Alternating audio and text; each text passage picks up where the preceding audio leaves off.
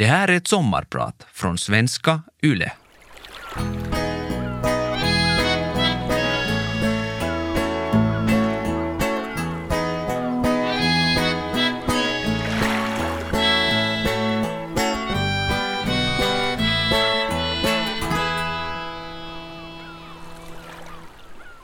Nu dör jag, minns jag att jag tänkte. Och jag tyckte det var så pinsamt att jag skulle dö på en jordfästning. Jag var ju där för att sjunga och trösta de sörjande. Och nu skulle jag stjäla showen och dö framför alla de här människorna i Munsala kyrka. Fram tills dess hade det här varit en helt vanlig dag på jobbet. Jag sjöng ofta på begravningar.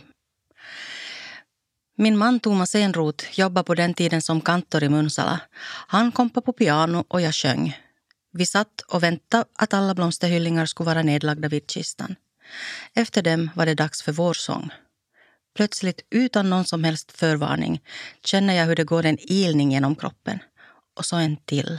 Och en till. Ilningarna är varma och kalla om vartannat. Jag har aldrig känt någonting som ens påminner om det här. Det susar i öronen och allt börjar gå runt. Hela världen snurrar och hjärtat rusar. Jag blir livrädd och är säker på att jag kommer att dö. Det här måste ju vara en hjärtinfarkt eller stroke. Och nu är det bara ett par blomsterkransar kvar, ser jag. Snart är det min tur. Som i dvala går jag fram till mikrofonen och harklar mig och börjar sjunga. Det snurrar fortfarande och jag stöder mig osynligt mot pianot där Thomas spelar. Inte ett ont anande. Inte heller församlingen verkar märka något. Men i mitt huvud rusar en massa tankar. Om det är meningen att jag ska tuppa av här så kan jag väl försöka göra det snyggt åtminstone. Genom att sakta glida ner längs med pianot. Med de här tankarna i huvudet sjunger jag sången och går sedan tillbaka och sätter mig. Ingen märkte något. Men mitt liv förändrades från den stunden. Jag hade fått min första panikångestattack. Någonting som skulle bli ett dagligt återkommande helvete i mitt liv under många år. Mitt namn är Helene Nyberg och idag är jag er sommarpratare. Jag kommer att prata om panikångest eller paniksyndrom. Med tanke på hur vanligt det är är det få som talar öppet om det här. Många är fortfarande helt omedvetna om vad panikångest är. Så som jag själv också var då jag fick min första attack. Man räknar med att närmare 20 procent av alla finländare i något skede av sitt liv kommer att drabbas av en panikångestattack. Alltså nästan var femte finländare. Med tanke på det tycker jag att det är lite konstigt att så få verkar fatta vad det handlar om. Vad panik och ångest är och hur det känns. De här orden, panik och ångest, används väldigt lättvindigt. Så låt mig genast från början säga, det är inte panik när du i brådskan råkar hälla en kopp kaffe över finskjortan. Och du har inte ångest när du inte vet om du ska ha de bruna eller de svarta skorna när du går på fest. Som ni hör blir jag både irriterad och förbannad när de här orden används fel. När jag mådde som sämst lovade jag mig själv att om jag överlever och om jag någon dag kommer ur det här så ska jag ta varje chans jag kan att sprida information om just panikångest. Därför är jag väldigt glad att jag får sommarprata idag och att just du lyssnar. Kanske kommer du att känna igen dig i det jag talar om. Kanske kommer du att känna igen någon vän eller familjemedlem. Jag hoppas att jag kan ge dig tröst och hopp. Det går att lära sig att leva med panikångest och det går att komma ut ur den fångenskap som återkommande panikångestattacker är. Efter den där begravningen i Munsala kyrka i december 2007 hade jag en konstant yrsel som vägrade ge med sig. Varje dag kändes det som att jag var ute på ett stormigt hav. Jag började tro att jag hade någon allvarligare sjukdom. Troligtvis en tumör i hjärnan eller något liknande. Julen kom och gick och i januari skulle jag bli höftopererad i Helsingfors. I samband med den operationen togs en massa blodprov och till min stora förvåning såg allting bra ut. Ingenting tydde på att jag hade någon allvarlig sjukdom. Operationen gick bra och jag åkte hem, fortfarande yr, vilket inte var så lyckat när jag skulle vingla på med mina kryckor. Idag kan jag skratta åt eländet. Till råga på allt fick jag också magafari och stapla av och an mellan sängen och vässan med kryckor och yrsel. Det är ett under att jag inte föll och bröt nacken. Hela vårvintern var jag sjukskriven och hade en massa tid att fundera på vad jag hade för fel. Något var det ju, för yrseln gav inte med sig. Jag bokade tid hos olika läkare och fick gå på CT-röntgen, magnetröntgen, ultraljud och EKG och allt såg bra ut. Men jag mådde dåligt. Titt och tätt tvingade jag min man att köra mig till akuten. Turvis till Karleby och Jakobstad fronterier där vi bodde på den tiden. Gång på gång blev jag hemskickad. Vid ett tillfälle får jag pulsnedsättande piller som jag tar där hemma med den påföljden att jag tror att hjärtat håller på att stanna och ringer ambulans. Thomas är på jobb så jag ringer till honom och säger att han ska genast komma till sjukhuset. Till sönerna, som är 12 och 15 år på den tiden, säger jag att jag har beställt en ambulans. Men att det inte är någon fara, att de inte ska vara rädda. Jag åker ambulans till akuten, där jag igen blir undersökt. Och läkaren konstaterar att ingenting felas mig. Jag skickas hem och börjar känna mig helt uppgiven. Det känns som att ingen hjälp finns att få trots att jag vet att jag är dödssjuk. Min 40-årsdag tillbringar jag på akuten i Karleby efter att ha åkt in två gånger samma kväll på grund av blodpropp i benet, trodde jag. För det kan man faktiskt få efter operationer och proppen kan sen gå vidare till lungan och då kan man dö. Men det var alltså ingen propp. Efter det besöket fick jag med mig en pillerburk igen. Tabletter som man till exempel ger till åldringar på boenden för att hålla dem lugna, har jag senare förstått. Jag försäkrar mig naturligtvis om att man inte blir beroende av tabletterna. Nej, det blir man inte, svarar läkaren. Men det blev jag. Jag överdoserade och blev slöare och slöare. Till slut vågade jag inte vara ensam. När Thomas for på jobb var jag med. Antingen låg jag på orgelläktaren eller satt i bilen och bara skaka och hyperventilera medan han jobbade. Ofta gick hemresan via akuten.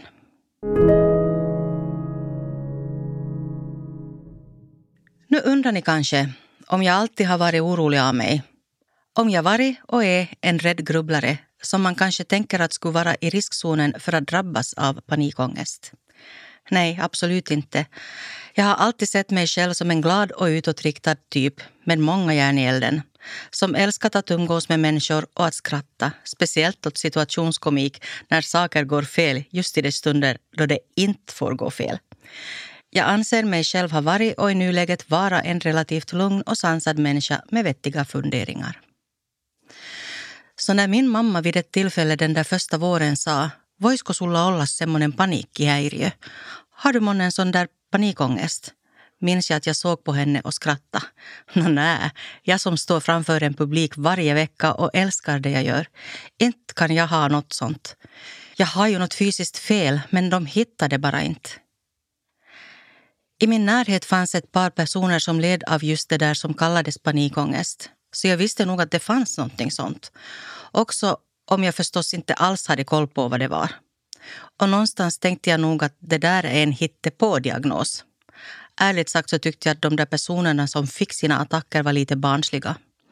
Att de liksom sökte uppmärksamhet genom att bete sig så där. Och för att vara riktigt ärlig tänkte jag på precis samma sätt om människor med depression och utmattning. Det är väl bara att skärpa sig liksom. Bita ihop och svälja alla jobbiga känslor man upplever. Och vad då inte orka?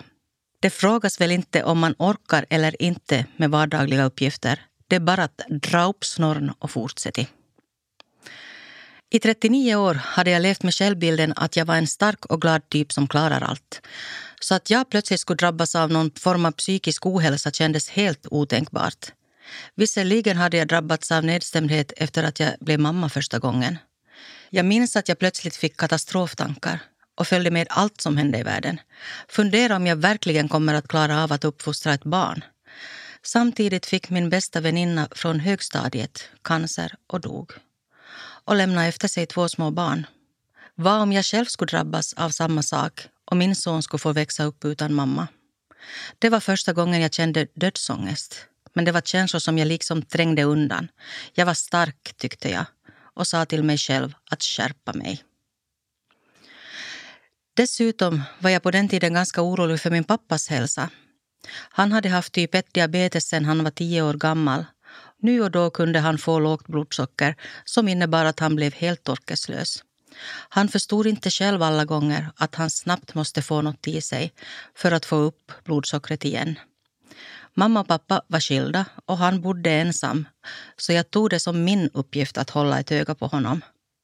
Min syster och hennes familj bor i Sverige och jag bodde på den tiden helt intill pappas hus. Jag drog varje dag en lättnadens suck när jag såg att han kom hem från jobbet.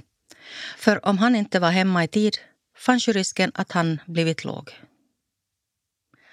Ibland fick vi hälla sockervatten eller saft i honom för att få honom på benen igen. På grund av sin långvariga diabetes fick han med åren en rad allvarliga följdsjukdomar. Han dog ensam hemma utan någon förvarning på morsdagen år 2004, endast 62 år gammal.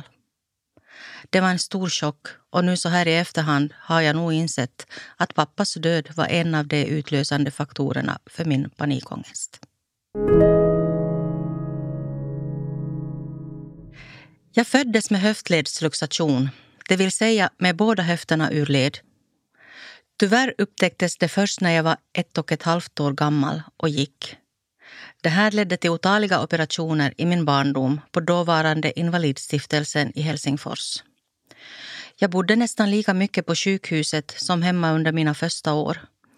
Lågstadiet gick jag till stora delar på sjukhusskolan i Helsingfors.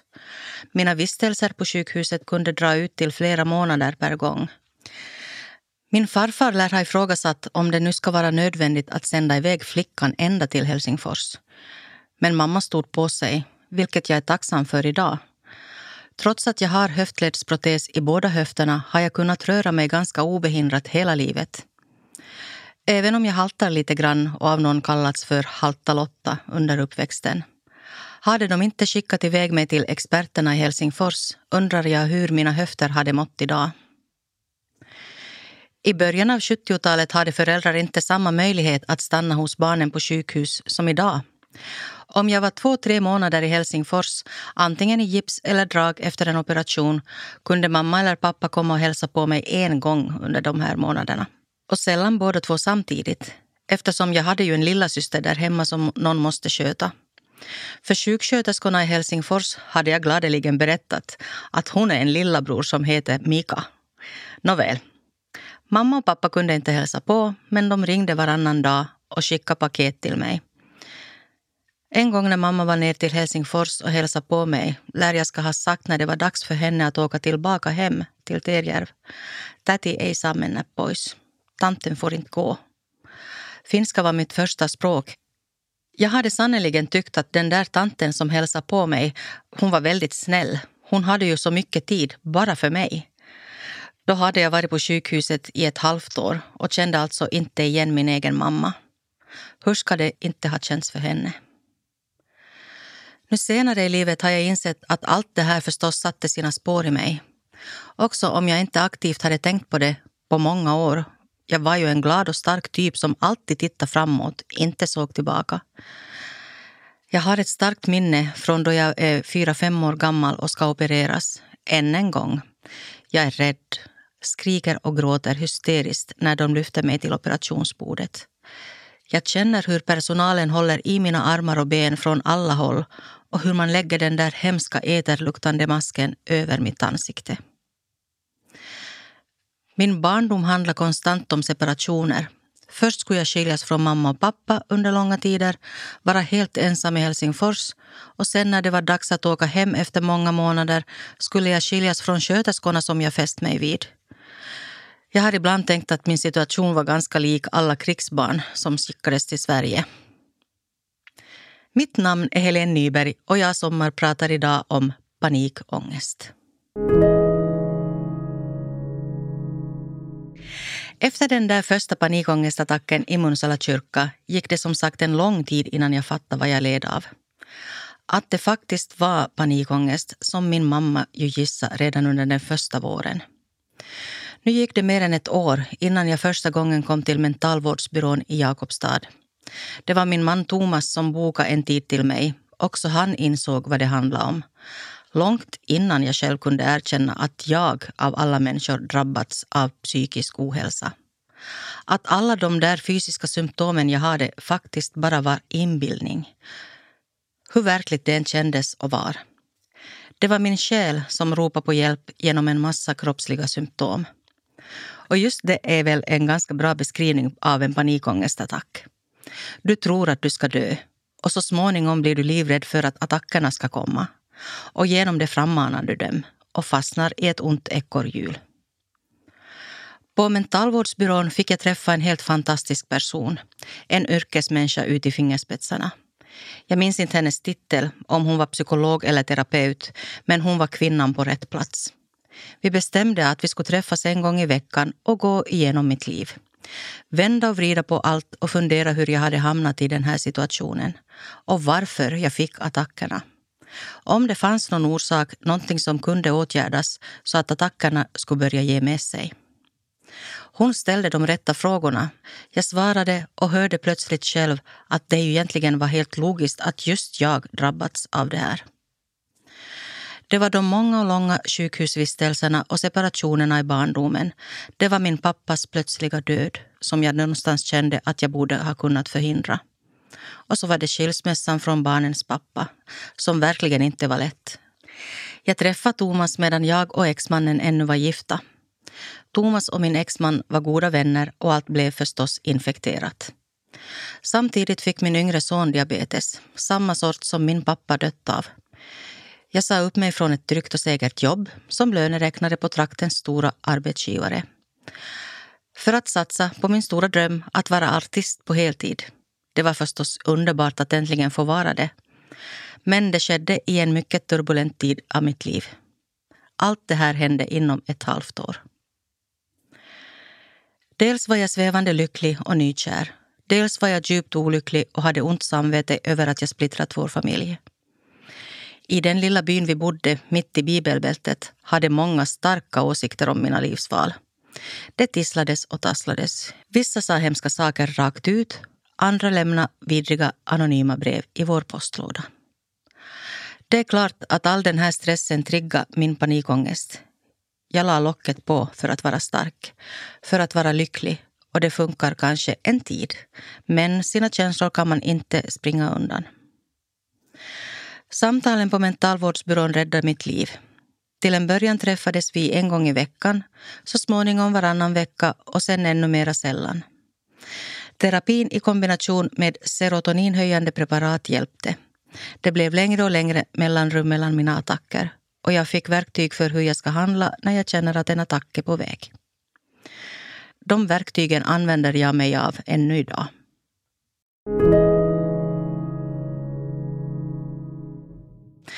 Jag vill inte få det att låta lätt.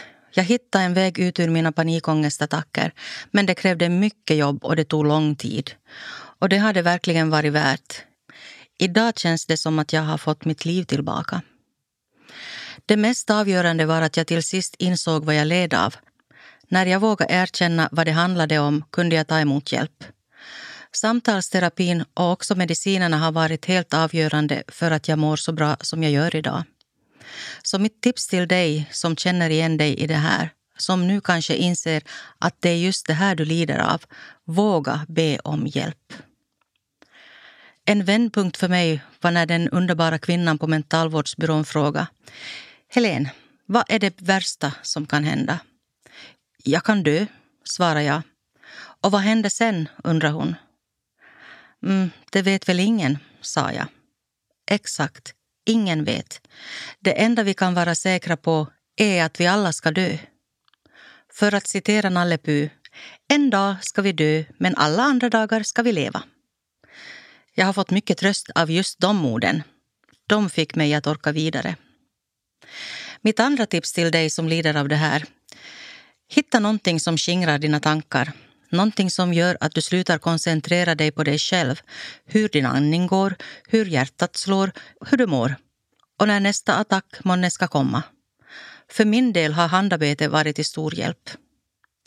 Jag lärde mig tidigt att sticka och virka och satt mycket och rita och pyssla som barn. Kanske för att jag inte riktigt kunde delta i alla fysiska aktiviteter som mina jämnåriga gjorde.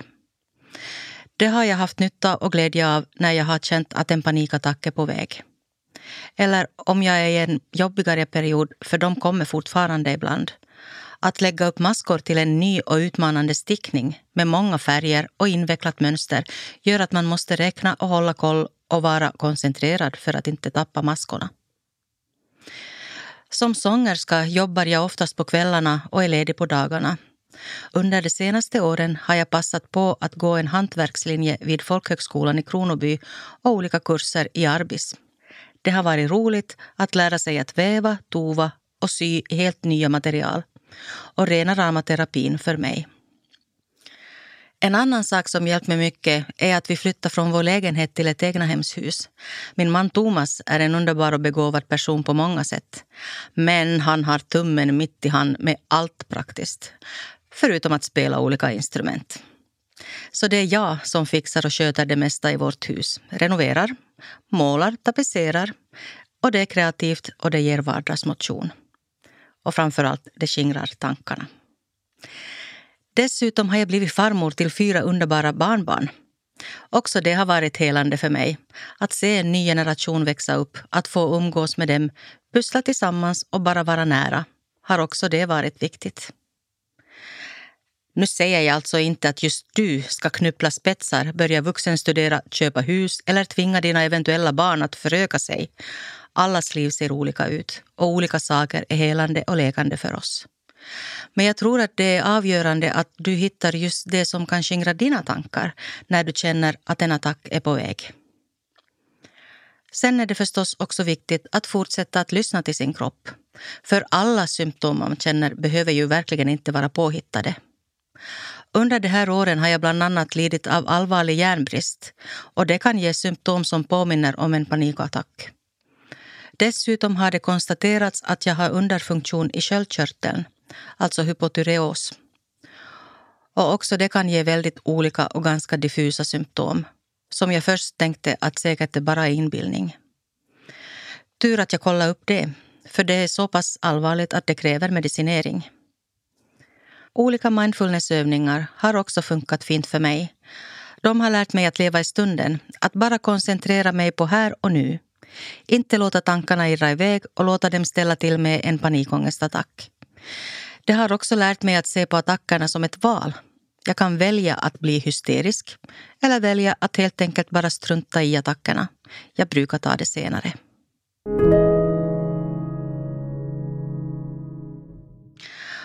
Ofta får jag frågan hur har du kunnat fortsätta jobba som sångerska och artist under de här åren? För det har jag ju gjort. Jag har fortsatt resa land och rike runt, sjunga i kyrkor och folkparker, göra julturnéer och sommarallsånger, medverka i radio och tv. Jag gjorde tidigt det beslutet trots att jag fick min första panikångestattack just på jobbet. Så tänkte jag att det inte ska få stoppa mig. Jag älskar att sjunga. Det är som en inre massage av kroppen och jag var inte beredd att avstå från det. Så snabbt efter den första attacken tvingade jag mig upp på scenen igen. Och ingenting hände. Det gjorde mig lugn. En stor trygghet för mig är också att min man nästan alltid är med mig. Får jag mot förmodan en attack på scen så är han där. Men det har faktiskt inte hänt en enda gång sedan den där begravningen i december 2007. Det har säkert också hjälpt att jag har varit så öppen med det här. Jag har talat om det i olika intervjuer, jag har berättat om det på scenen, jag har varit öppen med nya kollegor, berättat att det här kan hända. Det att jag vet att både mina kollegor och min trogna publik känner till det här bidrar till att jag kan slappna av på scenen. Eller egentligen i musiken. Det är inte scenen som gör att jag blir lugn, utan tonerna, rytmerna och orden det är att man gör musiken tillsammans. Jag var bara 15 år när vi bildade vårt första band med några kompisar i hembyn. Eller orkester, som man sa på den tiden. Vi hette Shasha och blev faktiskt ganska populära och turnerade flera år i hela Österbotten och spelade en massa ungdomsdanser. Ännu idag kan jag springa på gråhåriga före detta tonåringar som minns oss. Det blev mest rock och pop på den tiden. Efter det var det country som gällde då hade jag en duo tillsammans med Sonja Biskop. I mer än tio år uppträdde vi här och där i världen. En rolig tid. Sen blev det, mer eller mindre av misstag, dansband för hela slanten i några år. Jag blev tillfrågad om jag ville bli solist i dansbandet Maxells. Samtidigt som jag började bandet fick det också en ny keyboardist, en viss Thomas Enroth. Trots att han är 14 år yngre än jag blev vi genast goda vänner. Våra kemier funkar jättebra. Efter en tid insåg vi att det funkar lite för bra. Sen gick det som det gick, med en uppslitande skilsmässa som jag redan nämnde. Än idag kan jag börja gråta när jag tänker tillbaka på den jobbigaste tiden. Jag glömmer aldrig den dagen då jag berättade för mina pojkar att deras pappa och jag ska skiljas. Det följde många jobbiga år, det vill jag vara öppen med. För det låter kanske rosenrött när jag nu säger att allt blev bra. Idag är vi alla goda vänner. Min exman och nuvarande man uppträder till och med ibland tillsammans på scenen. Mina söner, som idag är vuxna män, fick en god och stabil vän i Thomas. Han ställer upp för dem i ur och skur och är deras bollplank i livet, precis som han är för mig. Tack, Thomas.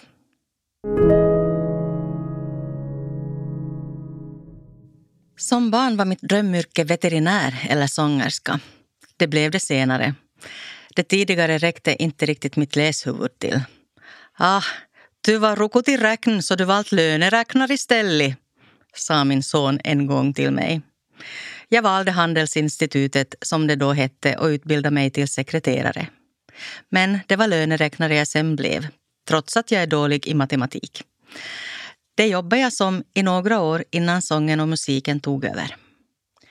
Men min kärlek till djuren har alltid hängt med. När jag som liten var dagbarn hos min faster hade hon ofta kattungar som jag brukade smuggla hem. De blev oftast returnerade till min stora besvikelse. Fick någon mot förmodan stanna så blev det föskatter. Alltså utomhuskatter som man inte hade med sig i sängen eller soffan och gosa med. Men någon hund fick jag aldrig, hur mycket jag än tjatade. Så ganska snabbt efter att jag flyttat hemifrån och gift mig blev det både katter och en collie. Den hunden var fullvuxen när vi tog hand om den, så den fanns inte med oss så länge. Efter det skaffade vi två golden retrievers som sen flyttade med mig och pojkarna till Thomas. Emmy och Easy hette hundarna och de gjorde också Thomas helt hundgalen. När de hundarna gick bort ville han genast skaffa en ny men jag kände att det var skönt att vara utan hund och stod på mig. Vi turnerar för mycket. Det är skönt att slippa ansvaret och det är så sorgligt och tungt när de dör. Men rokokvinnor som inte kan ändra sig. Det gick några år och sen kom golden retrievern Elsa som hade ett eget Instagramkonto och som blev en kändis i svensk Finland. Hon var vårt allt i fyra, nästan fem år. Den som bara fanns där och gladde oss med sina hyss till att börja med. För att sen vara den som lyssnade och pratade via sina ögon. När hon i vintras blev sjuk och fick gå över bron till en bättre plats kändes det som att jag höll på att kvävas. Som en gåva mitt i sorgen kom då Halla. Också hon en golden retriever.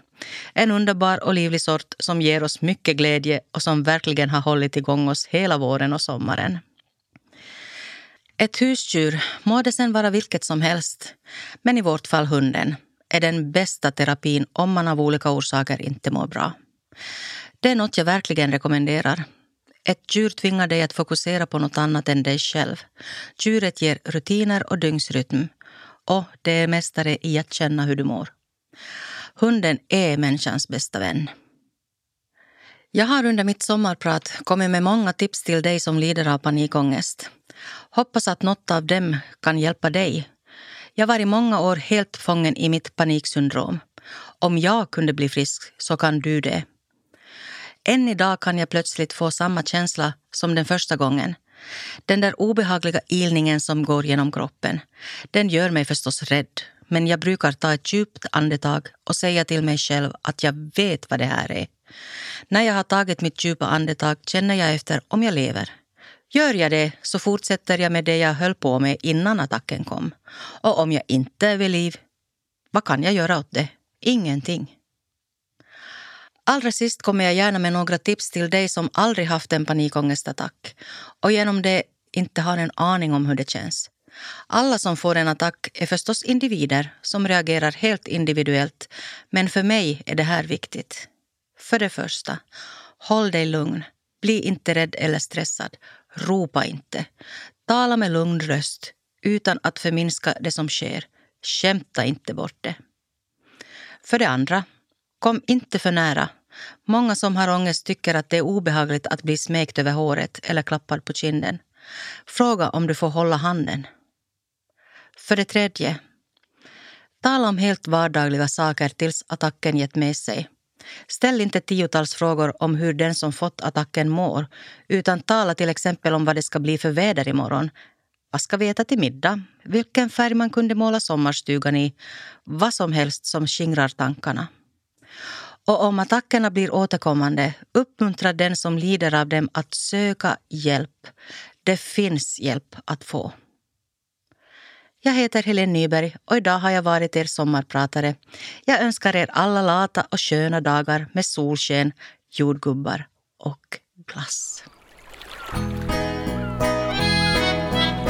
Du har lyssnat på Vegas sommarpratare med Helene Nyberg. Redaktör Thomas Lundin. Vegas sommarpratare görs av Parad Media för svenska YLE.